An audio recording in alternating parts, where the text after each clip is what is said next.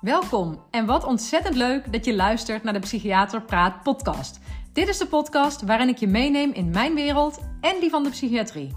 En je zult zien dat ook dat een wereld is die gaat over hele gewone mensen. Mijn naam is Wieneke Gerrits en ik ben psychiater. Ik ga ervaringen en verhalen vertellen uit mijn persoonlijke leven en uit het leven van mijn patiënten. Laat je raken, inspireren, motiveren of gewoon een hart onder de riem steken. Mijn missie is om zoveel mogelijk mensen in beweging te zetten om voor zichzelf te zorgen. Door met elkaar te delen en hulp te vragen als dat nodig is. Niet alleen bij professionals, ook bij elkaar. Zo maken we samen het leven wat draaglijker en onszelf of de ander soms gewoonweg een stukje gelukkiger. Heel veel luisterplezier.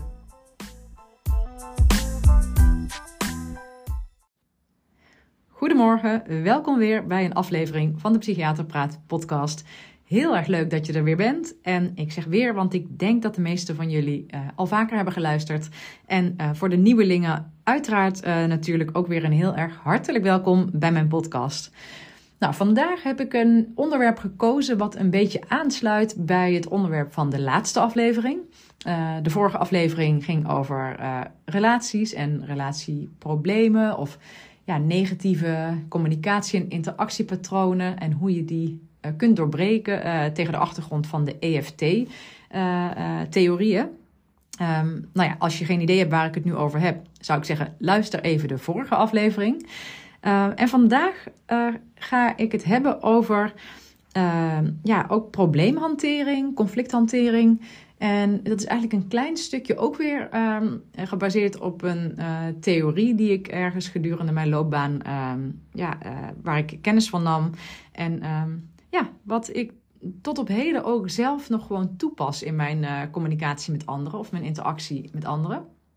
Um, je zou het ook helemaal los van elkaar kunnen zien hoor, maar voor mij zit het een beetje aan elkaar vast. Uh, in de laatste aflevering ja, gaf ik aan hoe het soms mis kan gaan in communicatie, omdat je ja, op een niveau met elkaar communiceert waarin voornamelijk um, ja, het negatieve zichtbaar wordt hè, en hetgene waar je last van hebt bij de ander. Of, uh, terwijl je eigenlijk vaak niet zo communiceert op het diepere niveau waarin eigenlijk je pijn zit. Um, nou ja, dit gaat um, vandaag niet zozeer over dat diepere niveau, maar het gaat er wel over van hoe kun je nou ook eigenlijk voorkomen dat je in een soort gekissenbis terechtkomt. Of in een soort ja, gedoe met elkaar, ruzie maken. Um, dat je op een gegeven moment eigenlijk niet meer weet van waar hadden we het nou over.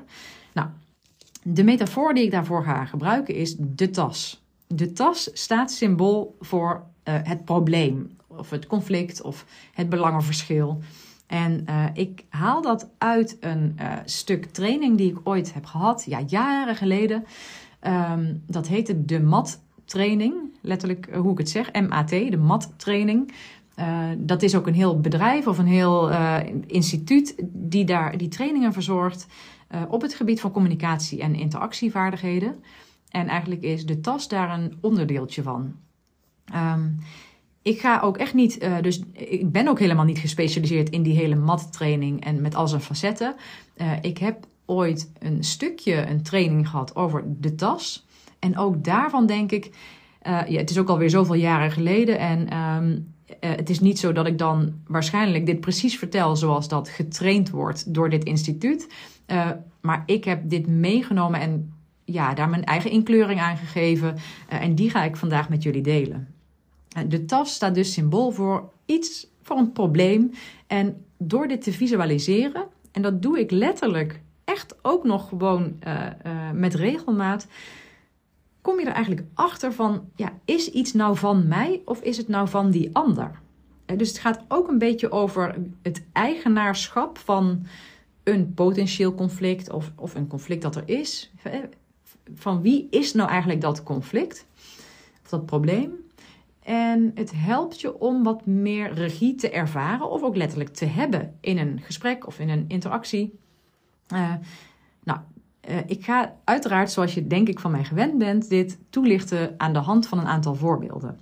Dan wordt het wat tastbaarder. Even nog om dan te schetsen hoe die, hoe die training uh, destijds ging. Um, daar hoorden dan ook nog matten bij, daarom heet het ook de mattraining, maar daar ga ik verder niet op in. Uh, dat is ook een, ja, dat is eigenlijk een beetje een uitbreiding van het stuk wat ik vandaag ga vertellen. Maar je staat tegenover elkaar En er is letterlijk een tas. Een boodschappentas of verzin maar een tas, maar er is een tas. En ehm, wij moesten uh, rollenspellen doen waarbij bijvoorbeeld de een die boodschappentas in zijn hand had.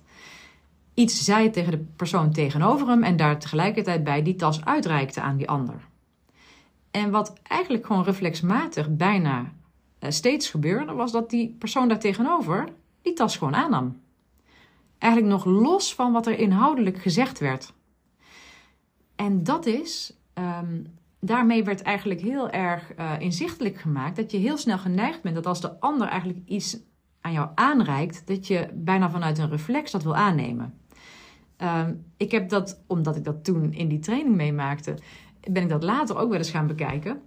Want bijvoorbeeld, uh, als je um, uh, aan tafel zit, uh, maakt niet uit met wie, maar als je met meerdere mensen aan tafel zit en jij pakt het zoutvaatje en um, je reikt dat aan aan iemand tegenover je, zal die het bijna altijd aannemen, ook als hij er niet om heeft gevraagd. En ja, dat zit dus gewoon in een soort van: hè, de een maakt die beweging en de ander neemt hem aan. Dat gebeurt ook heel vaak met verbale dingen. Of ook non-verbaal trouwens, maar uh, dat gebeurt dus ook vaak in het gesprek. Iemand wil iets aan jou overpassen en je neemt het aan zonder er eigenlijk over nagedacht te hebben. Als je je daar bewust van wordt, dan kan dat heel erg helpend zijn, want dan word je soms minder snel eigenaar van een probleem wat eigenlijk niet bij jou hoort. En uh, waar ik dadelijk ook nog op in zal gaan, is ook nog, uh, het dus gaat aan de ene kant over, neem het niet te snel aan van de ander. Maar het gaat er ook over, geef het ook niet te snel af. Als dat eigenlijk niet, niet terecht is hè, of niet redelijk is. Um, dus um, van wie is de tas? Daar gaat het eigenlijk een beetje over. En als eerste voorbeeld uh, neem ik gewoon even een hele simpele huistuin- en keukenvoorbeeld uh, uit mijn eigen situatie. Um, bijvoorbeeld, s ochtends vroeg uh, zit ik met mijn gezin aan tafel te ontbijten. En dan is het bijvoorbeeld zo dat mijn man even tussen neus en lippen door zegt van... Oh ja, by the way, vanavond heb ik die vergaderingen, dus dan ben ik pas na het eten thuis of, of ben ik pas later thuis. En stel nou, dit is gewoon even exemplarisch. Stel dat ik net die dag uh, s'avonds heb ingepland om te gaan sporten. Dan is er eigenlijk een probleem. Want dan zou het betekenen dat we eigenlijk allebei weg zijn. En, ja, en wie is er dan voor de kinderen? Hè? Dan moet, dat is dan het probleem. Wie zorgt er voor de kinderen? Nou, bij ons thuis, wij hebben dat eigenlijk zo uh, met elkaar geregeld. We hebben een gezamenlijke agenda waar we afspraken in zetten. En um, we hebben ook de afspraak eigenlijk van nou, als de een al iets heeft staan en de tweede komt ook met een afspraak of een activiteit, dan, dan heeft die de verantwoordelijkheid zeg maar, om daar iets voor te regelen.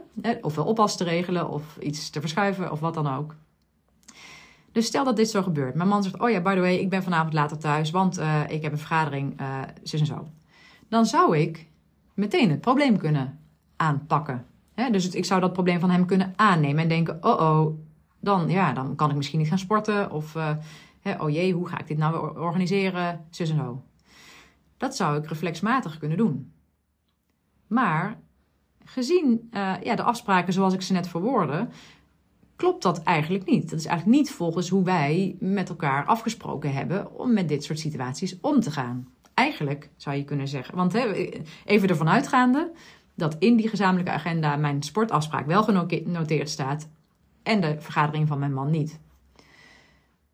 Nou, zoals dat bij ons dan uh, uh, zou kunnen gaan, uh, kan hij bijvoorbeeld zeggen van ja, maar ik heb het toch een paar weken geleden gezegd dat, dat dit eraan zat te komen of zo. En ik zou kunnen denken, hmm, gaat een belletje rinkelen, misschien heeft hij wel gelijk. Hmm. Maar wij hebben de afspraak, we gebruiken die gezamenlijke agenda om onze agenda's op elkaar af te stemmen. Dus eigenlijk ook in dat geval zou ik kunnen zeggen, het staat er niet in. Dus misschien heb je het een keer genoemd, maar ik ben geen wandelende agenda in mijn hoofd, dus het staat er niet in eigenlijk is op dat moment. Um, en misschien vind je dit wel een heel strikt. Ik weet niet wat je van dit voorbeeld vindt, hè, maar ik probeer het. Uh, het is ook een beetje verzonnen, maar dit, dit, dit zou zo gegaan kunnen zijn. We zijn wel eens in dit soort situaties terechtgekomen, maar het gaat er gewoon eigenlijk toch om van. Wat gebeurt er nou eigenlijk? Ik heb al een afspraak staan en die is volgens onze afspraak genoteerd in de agenda. Hij heeft een afspraak staan en die heeft hij niet genoteerd in de agenda. Hij noemt dat tussen neus en lippen door en eigenlijk constateren we op dat moment van hé, hey, er, er ontstaat een probleem vanavond. als hij gaat zeggen van ja, maar dat heb ik toch gezegd. En ja, weet je, ik kan daar niet ontbreken. of, of ik moet de vergadering voorzitten. Of nou ja, als de druk hoog is, dan zou ik kunnen gaan denken, ja, hmm, oké, ja, dat, dat zal wel belangrijk zijn. Hè? Ja, en mijn sport kan ik natuurlijk altijd afzeggen. Dat is niet zozeer, ja, dat is voor mezelf niet leuk, maar zit eigenlijk niet echt, uh, en hooguit dat er een trainer of iemand uh, met wie ik ga sporten, ik daarmee moet teleurstellen. Maar dat is een afspraak die makkelijker afgezegd kan worden.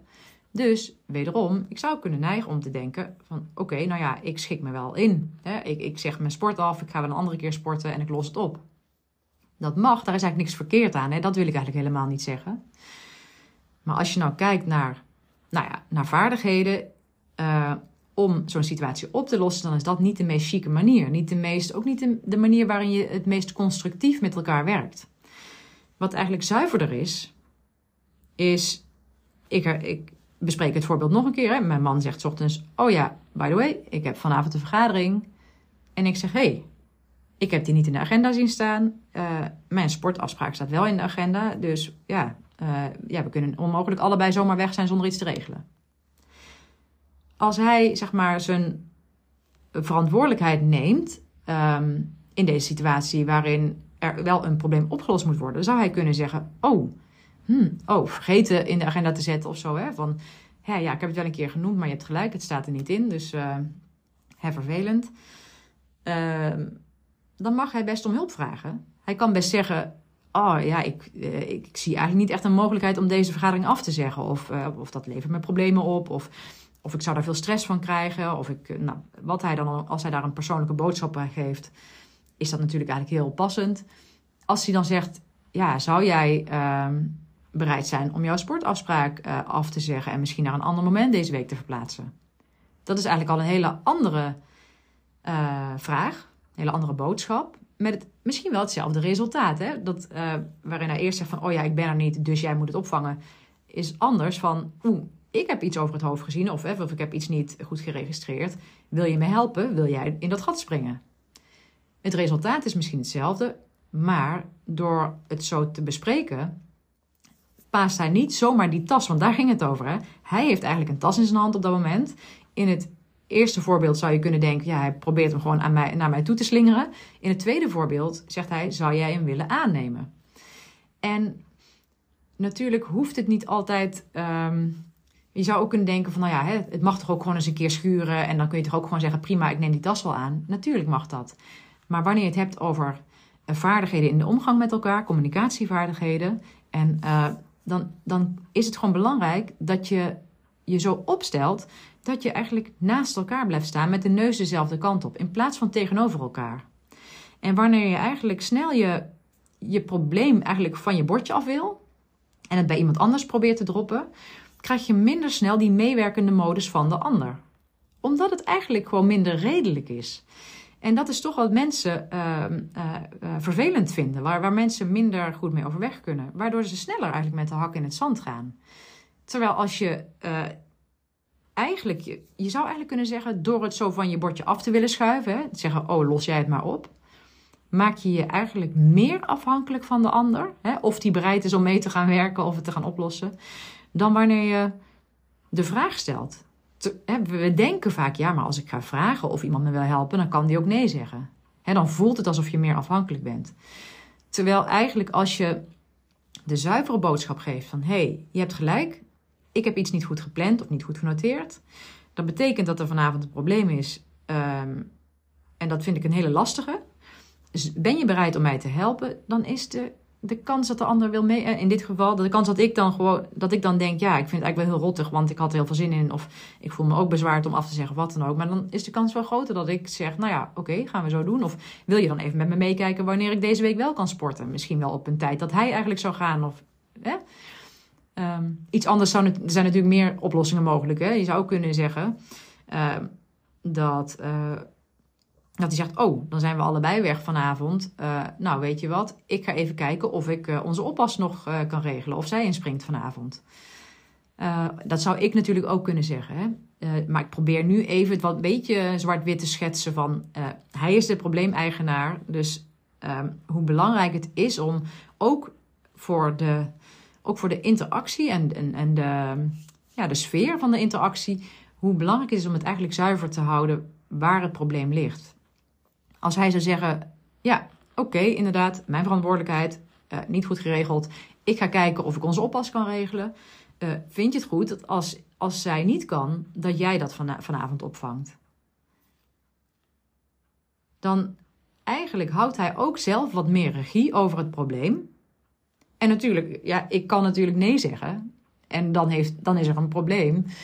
Maar, nou ja, dat is in ieder geval niet hoe het bij ons thuis gaat. Als wij op, op zo'n manier met elkaar communiceren. En, want een misverstand of iets vergeten kan natuurlijk altijd gebeuren. Dus als het gewoon ja, irritant of vervelend is. Maar je staat gewoon naast elkaar. En je zegt: hey, wil je me helpen dit op te lossen? Of zullen we eens kijken hoe we dat samen kunnen doen? Dan kom je daar over het algemeen wel uit. Overigens realiseer ik me ook dat. Ehm, dit wat ik nu vandaag bespreek is natuurlijk eigenlijk niet per se iets nieuws. Hè? Het is niet dat ik, een, dat ik jou nu ineens een heel groot inzicht uh, verschaf. Maar het is veel meer dat ik je eigenlijk wil laten zien dat, je, uh, dat er um, nou ja, metaforen zijn uh, die je kunt gebruiken om soms wat inzicht te krijgen in wat er tussen jou en de ander gebeurt. En um, ik vond dit destijds, ik heb toen ook natuurlijk uitge... Ik, daar, ik heb daar gestaan met die tas, dus ik heb ook letterlijk ervaren hoe hoe makkelijk je eigenlijk de tas wil aannemen. Andersom trouwens ook. Ik heb ook ervaren hoe makkelijk het is om te denken: oh, ik wil van die tas af. dus dat je hem eigenlijk weg wil geven. Um, dus misschien uh, als je, ja, de meeste van jullie zullen deze uh, uh, oefening niet hebben gedaan, verwacht ik. Ehm, misschien is het dus moeite waard om het gewoon eens uit te proberen of zo. Of, want, want doordat hij zo voelbaar werd voor mij, heeft hij daarna ook veel waarde gekregen dat ik hem ook in mijn hoofd kon visualiseren. Van, hey, heb ik nou de tas vast? Of waar is die tas? En wil ik hem aannemen, ja of nee? En zo zijn er natuurlijk meer metaforen of ja, spreekwoorden en gezegden die ook hierover gaan. Hè? Uh, bijvoorbeeld uh, de hete aardappel doorspelen is ook een beetje dat idee hè? van het probleem bij de ander proberen te droppen. Of uh, eentje. Ik weet niet of dat eigenlijk een officieel uh, gezegd, Nederlands gezegde is, maar die ik in ieder geval in mijn regionen vaak hoorde, was uh, iets over de schutting proberen te gooien. Dat heeft ook een beetje te maken, iets waar je vanaf wil. En dan dump je het maar even ergens anders. Um, eentje die ik ook ken is um, uh, de aap op de schouder nemen. Dat is juist eigenlijk dat je het probleem van de ander aanneemt. Dat, dat je de aap op je schouder zet en dan is het ineens van jou.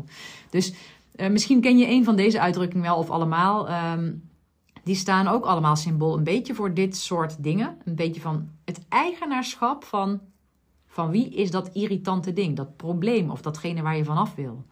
En, um, uh, en ik, hoop dus dat misschien ook deze uh, metafoor van de tas misschien voor jou ook wel iets, uh, ja, iets kan helpen. Um, ik moet ook even terugdenken aan, nou, waar ik net al aan refereerde, de, de laatste aflevering over dat stel uh, wat in een negatieve spiraal zat.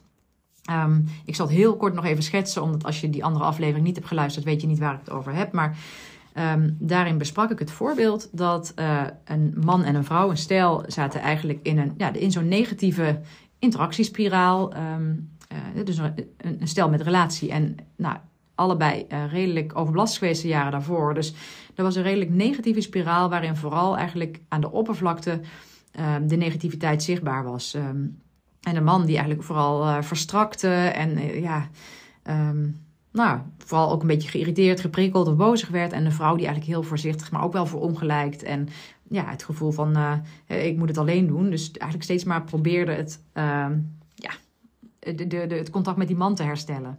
En toen schetste ik het voorbeeld van de koffie. Hè, dat even, de vrouw kwam beneden in het ochtendritueel uh, en vraagt aan de man: Heb je nog geen koffie gezet? En in hun gezin, in dat voorbeeld, was het de gewoonte dat hij dat iedere ochtend deed. Nou, dit is eigenlijk ook zo'n situatie waarin je de tas kunt symboliseren, kunt visualiseren. Ehm, de vrouw komt beneden en vraagt: Heb je al koffie gezet? En natuurlijk maakt het uit met welke intonatie ze dat deed. Hè? Dat, dat neem ik nu even niet mee, dat maakt even niet uit. Maar stel dat het in hun gezin een gewoonte is dat hij koffie zet. En hij, hij heeft dat op dat moment niet gedaan. Dan zou je kunnen zeggen, ja, hij heeft iets nagelaten of zo. En daardoor is er een probleem, namelijk er is geen koffie. Je zou, uh, als je dan de tas voorstelt, je kunt hem misschien eigenlijk aan beide geven. Hè? Dus er valt voor beide wat te zeggen. Maar laten we er even van uitgaan dat de man in dit geval de tas vast heeft, want hij zet gewoon een koffie, maar hij heeft het niet gedaan. Dus hij heeft het probleem, nou ja, veroorzaakt zou je kunnen zeggen. Er zou dus natuurlijk van alles kunnen gebeuren. Hij zou die tas naar haar uit kunnen steken en, kan, en zeggen: Ja, kun jij toch ook wel een keer doen? En dan probeert hij van die tas af te komen. En afhankelijk van uh, hoe altrem zij is of hoe ze in de vel zit die ochtend uh, en hoe, hoe, alert ze is hierop, uh, neemt ze hem of aan en gaat ze bijvoorbeeld mopperend koffie zetten. Of weigert ze hem aan te nemen en zegt: Nee, man, daar heb ik helemaal geen tijd voor. Of ik moet over tien minuten in de auto zitten. Ik, ik moet een boterham eten. Weet ik veel wat, zoiets. Dus er kan irritatie ontstaan. Als je dus, um, maakt niet uit in welke schoenen je staat, hè, die van haar of die van hem. Maar stel dat je die man bent. En gisteren ging het, oh, in de, in de vorige aflevering moet ik zeggen, ging het er vooral over dat hij zich misschien ook wel heel ongezien kan voelen. Hè, omdat hij dan zich heel erg inspant om van alles te doen. En uh, ja, zich daardoor eigenlijk bekritiseerd voelt uh, omdat hij één ding nog niet heeft gedaan. Daar gaat het nu even niet over. Als je het gewoon heel zuiver houdt en denkt: oké, er is inderdaad geen koffie en ik ben degene die dat gewoonlijk doet. Dan kun je ook zeggen: ja. Oh ja, je hebt eigenlijk gelijk. Ja, ik was zo met andere dingen bezig, ik ben er nog niet aan toegekomen. Of, uh, oh nee, ik ben het nog vergeten. Of wat er dan ook is. Als je gewoon eerlijk bent over hoe dat is gebeurd. Um, dan kun je vervolgens weer de regie nemen eigenlijk. En dus niet zozeer proberen van dat probleem af te komen om het weg te schuiven. Maar gewoon zeggen van, oh, nee, ik kan het nu wel even doen. Of vragen van, oh ja, nee, ik was, had eigenlijk zo mijn handen vol met de kinderen, ik noem maar wat. Um, ik ben er nog niet aan toegekomen. Zou jij misschien nu even willen doen? Ik neem aan dat je zelf ook wel kan voelen. En misschien klinkt het allemaal heel kneuterig of heel kleinzielig. Ik weet het niet hoor. Ik neem juist expres van deze hele kleine voorbeelden, omdat die zo tastbaar zijn. Of zo, zo herkenbaar zijn uit de praktijk. Maar ik neem aan dat je wel kan voelen dat als hij zegt: uh, Kun jij toch wel even doen?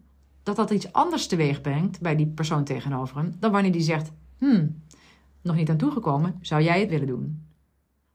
En het doet natuurlijk niks af aan of zij daar um, tijd voor heeft, maar haar bereidheid zal verschillend zijn. Heel waarschijnlijk. Die kans is heel groot dat haar bereidheid dan heel verschillend is. En nog steeds, eh, als we dus nu even in haar schoenen gaan staan. Zij ziet de man met de tas staan en zij ziet die tas aangereikt worden of hij het nou probeert uh, uh, te lozen bij haar of netjes vraagt, nog steeds kan zij bepalen van oké, het, is, het is tien over half acht, ik moet over vijf minuten in de auto zitten, um, ik red dat niet. Dan kan ze zeggen, oh, heel vervelend, maar ik red dat niet. Ik neem deze tas niet aan. Ja, dan heeft zij misschien wel een probleem in die zin dat ze dan geen koffie heeft gekregen die ochtend. Maar ja, je snapt wat ik bedoel. Hè? Voor haar is het ook belangrijk in, in dit voorbeeld, dat zij gewoon zuiver bij zichzelf blijft. Of zij het probleem kan aannemen of niet. Of de oplossing daarvan in ieder geval. En, uh, want misschien zegt ze wel, nou oké, ik zet wel even koffie, maar ik zal er zelf niks aan hebben, want ik moet zo al in de auto zitten. Dat kan ook. Dus het maakt heel veel uit. Het, daarom noem ik het ook echt vaardigheden. Het is een soort vaardigheid om op een prettige manier met elkaar in contact te blijven. Um, en, uh, en dus echt naast elkaar staan met de neus dezelfde kant op.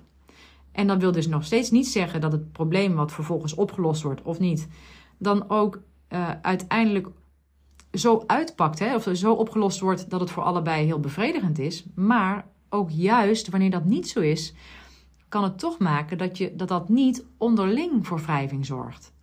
Even terug naar mijn eerste voorbeeld. Stel dat ik dan degene ben die mijn sporten opzegt omdat mijn man iets is vergeten, vind ik minder erg als wij dat ja, in prettige overeenstemming met elkaar hebben kunnen bespreken. En ik me ook gezien voel in dat ik, ja, dat ik dus iets opzij zet omdat hij iets vergeet.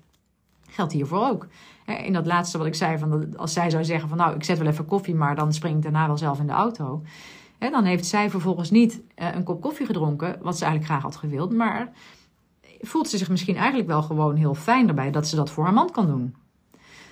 Dus um, het gaat hierbij om, realiseer je dat als er een situatie ontstaat, uh, die misschien wel door jouw toedoen uh, niet verloopt zoals gewenst, dat het je heel veel oplevert als je daar gewoon je verantwoordelijkheid voor neemt en gewoon zegt: Ja, inderdaad, komt door mij. Of, en ben dan ook mild voor jezelf. Dat betekent niet dat het een grote schuldbekentenis is. Want dat vind, dat, daar heb ik ook een keer een aflevering over opgenomen. Het verschil tussen schuld en verantwoordelijkheid. Ik denk, we zijn heel veel verantwoordelijk voor allerlei dingen die we doen of juist niet doen. Maar daar hoeft geen oordeel aan te zitten van dat dat dan dus, uh, ja, nou, dat hoeft niet heel erg uh, veroordeeld te worden. Dat je dan schuldig bent in het leed van de ander of zo.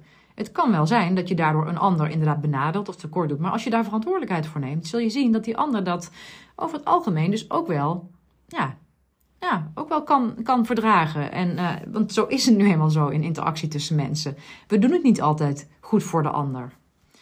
Ik heb um, in die training uh, destijds, herinner ik me nog het voorbeeld, dat was toen deden we de oefening met de tas in, een, in een werksetting.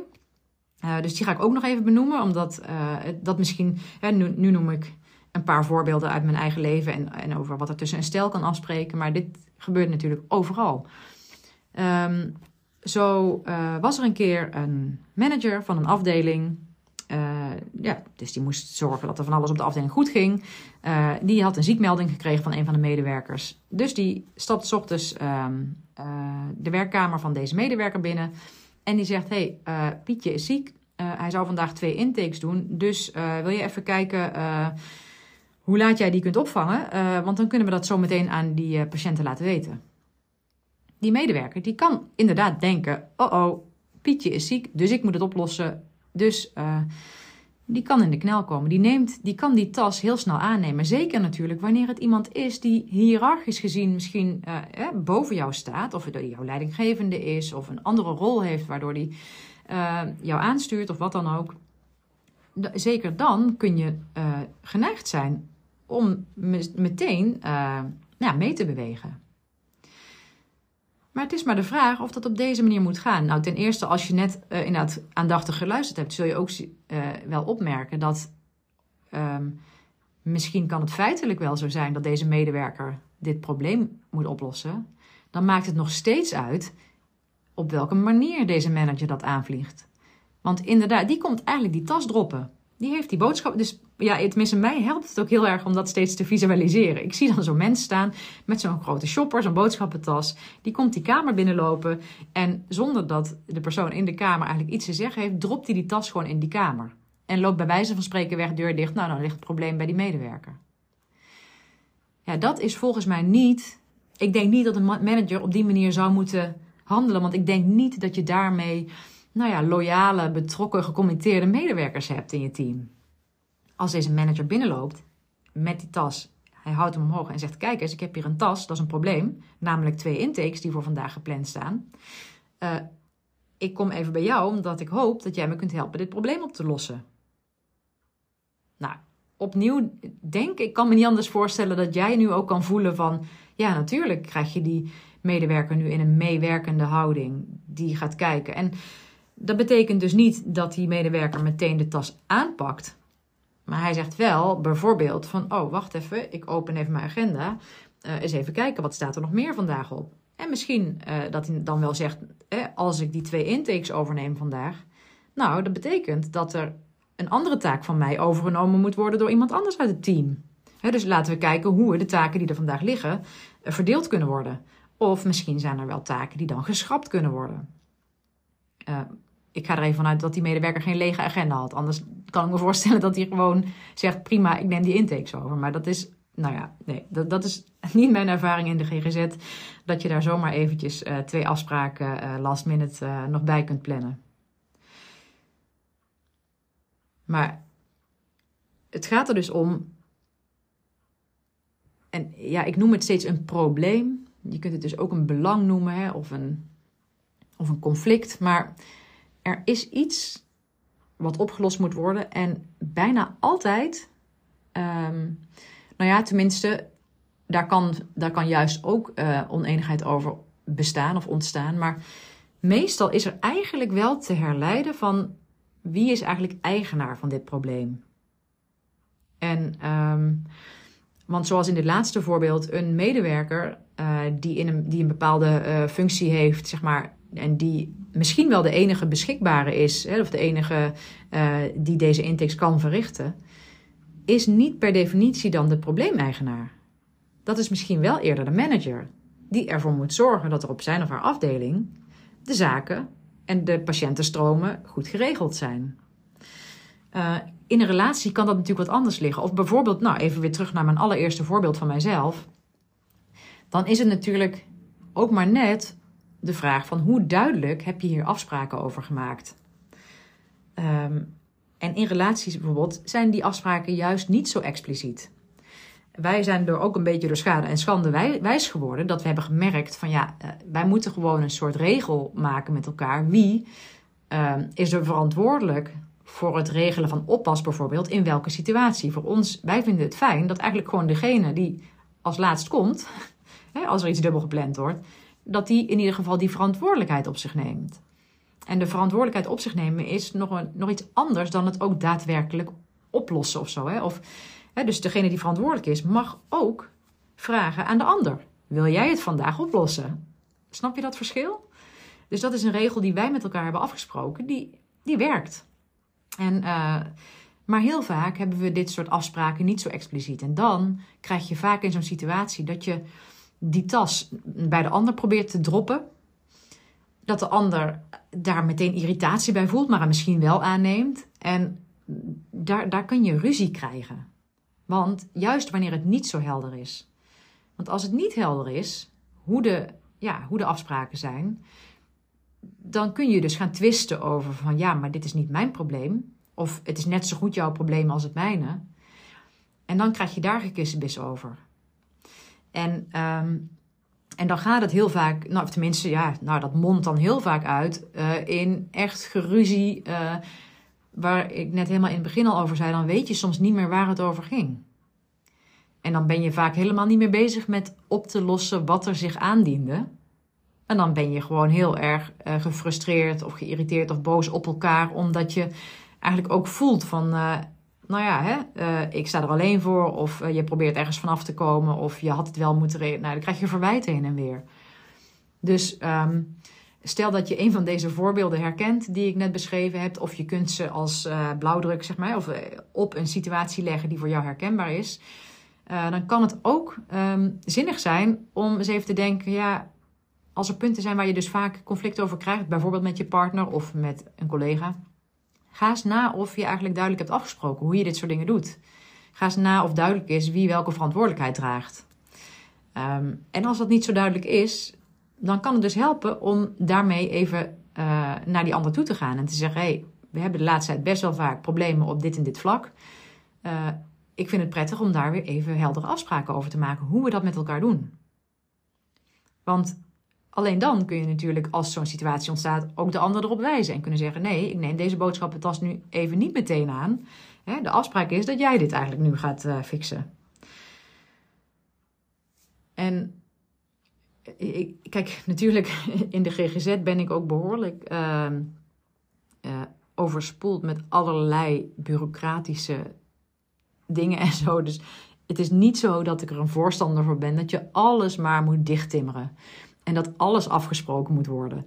Dus hè, denk niet dat ik nu denk van een relatie bestaat uit afspraken. Zo bedoel ik het echt niet. Um, maar als je merkt dat het punten niet goed loopt bij herhaling, dan kan het helpen om daar met elkaar op zijn minst dan daarbij stil te staan. Van hey, merk jij ook dat het op deze punten vaak niet goed loopt? Hoe kunnen we dit in het vervolg oplossen? Want voor mij geven, geven afspraken of regels wel vaak gewoon bepaalde kaders aan. Waardoor je gewoon weet waar je aan toe bent, weet waar je de ander op kunt aanspreken als iets niet loopt. En uh, juist, juist binnen die kaders ook veel vrijheid geeft. Dus het gaat ook over um, dat je dan regie hebt. Ook over uh, in die situaties. En dat je dus, waar ik net mee in het begin mee begon, als het allemaal niet zo duidelijk is, en er is een probleem, eigenlijk is het heel menselijk, dat is een soort van reflex, dat je daar dus vanaf wil. Dan wil je gewoon, uh, nou ja, wat ik al zei, die hete, aardappel doorspelen. Hè, of iets over de schutting flikkeren bij iemand anders. Hè, of dus die tas uh, overhandigen. Dat, dat willen we over het algemeen. We willen gewoon van ongemak af. Maar het maakt je juist heel afhankelijk als je dat ding maar probeert weg te pasen en dat lukt niet. En dan kan het juist gewoon om vragen. Hey, help mij eens even met deze zware boodschappentas. Of hey, kun jij iets met deze hete aardappel? Dat kan soms veel beter werken. Vooral omdat het gewoon in interactie.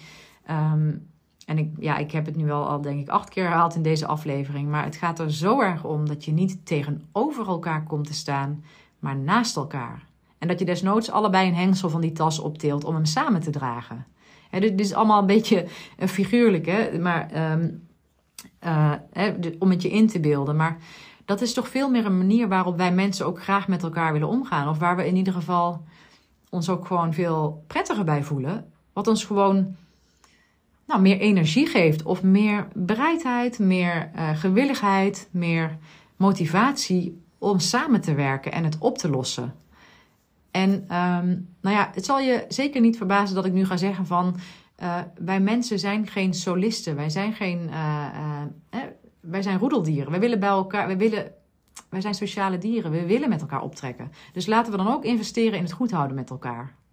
Dat was hier een oproep toe in deze aflevering over de tas. Um, die ik echt in, in, gedachten nog heel vaak voor me zie als.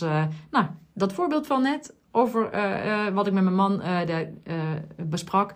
Nou, dat is geen, geen echt voorbeeld, maar het zou zomaar kunnen zijn. Ook gewoon hier thuis inderdaad, stel ik me dat regelmatig zo voor. Is dit van mij of niet?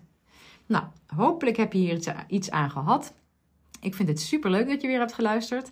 En uh, ik blijf gewoon herhalen uh, totdat dit vol is. Want dan stop ik ermee. Maar dat ik um, op 24 november een dag organiseer in Arnhem. Een live dag heb ik hem genoemd. De Psychiater Praat Live. Uh, ik kijk daar echt super erg naar uit, want ik ben druk bezig met voorbereidingen. Deze week heb ik nog een afspraak uh, met iemand die daar ook een bijdrage aan komt leveren. Uh, ik heb allemaal voorpret over plannetjes en zo. Maar ik heb dus nog steeds kaartjes daarvoor. Ik heb na mijn vorige oproep, zag ik weer een aantal aanmeldingen binnenkomen. Dus um, nou, het loopt lekker door. Maar zolang er nog plek is, zal ik dat ook blijven noemen. Want wie weet, nou, ben jij nog wel aan het overwegen om te komen? En zou ik het zonde vinden als ik niet zeg dat ik uh, nog een plekje voor je vrij heb. En ik, uh, ja, ik zou het gewoon super leuk vinden om uh, mijn luisteraars van mijn podcast te ontmoeten. Waar ik toch geregeld wel interactie mee heb. Maar waarvan ik uh, nog nooit um, iemand heb ontmoet. Tenminste, niet iemand die ik nog niet eerder had ontmoet. Ik weet dat er bekenden van mij luisteren. Ja, die ken ik natuurlijk gewoon. Maar juist mensen die ik ook nog niet ken. Als jij je aangesproken voelt nu, nou heb ik het dan dus ook over jou. Juist als ik je nog niet ken, en je luistert met plezier naar mijn podcast, ja, dan zou ik echt zeggen: kom naar die dag toe. Want ik geloof er echt in dat het gewoon een hele. Nou, een dag wordt echt met, ik weet niet, energetisch heel positieve vibe. Waarin ik, uh, nou ja, heel veel. Uh, met heel veel enthousiasme nog meer met jullie wil delen en, en ja, de uitwisseling wil aangaan. Dus um, weet je welkom en hopelijk zien we elkaar. Um, en ik heb ook al veel mensen uh, berichtjes gekregen die zeiden: Ja, ik kan die dag niet balen. Uh, maar hopelijk komt er nog een editie. Uh, nou, ik ga sowieso eerst deze eerste dag afwachten. Ook gewoon of dat mij allemaal ook ter plekke zo bevalt zoals ik zou willen. Ik ga er wel van uit. Maar natuurlijk, ja, ik ga niet te vroeg roepen dat er een tweede editie komt. Um, maar het zou toch ook wel heel bijzonder zijn om daar bij deze eerste try-out zeg maar, bij te zijn, denk ik. Dus dat gezegd hebbende eh, ga ik hem voor vandaag afsluiten. En hoop ik je natuurlijk weer vaker uh, tussen aanhalingstekens tegen te komen in de podcast. Dus tot de volgende.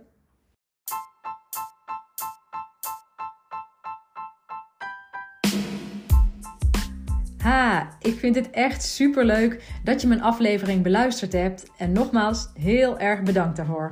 Hopelijk heeft het je ook aangesproken. En wil je me dat laten weten? Dat kan via mail naar info.wienekegerrits.nl, een bericht via Instagram, waar ik te vinden ben onder Wieneke underscore Gerrits, of op LinkedIn onder mijn eigen naam. Ik vind het heel leuk om ook jou beter te leren kennen en te weten wie er luistert. Jij kunt ook anderen inspireren door mij te taggen, bijvoorbeeld in je stories of je feed op Instagram. En wat jij van mij kunt doen, is in jouw podcast-app waar je deze beluistert, een review achterlaten. Bijvoorbeeld een aantal sterren.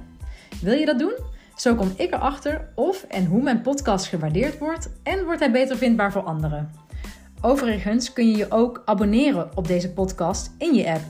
Hoe dat per app werkt, weet ik niet precies, maar vaak is er een knop subscribe, abonneren of volgen en dan krijg je automatisch een berichtje of in je app te zien als ik een nieuwe aflevering heb geplaatst.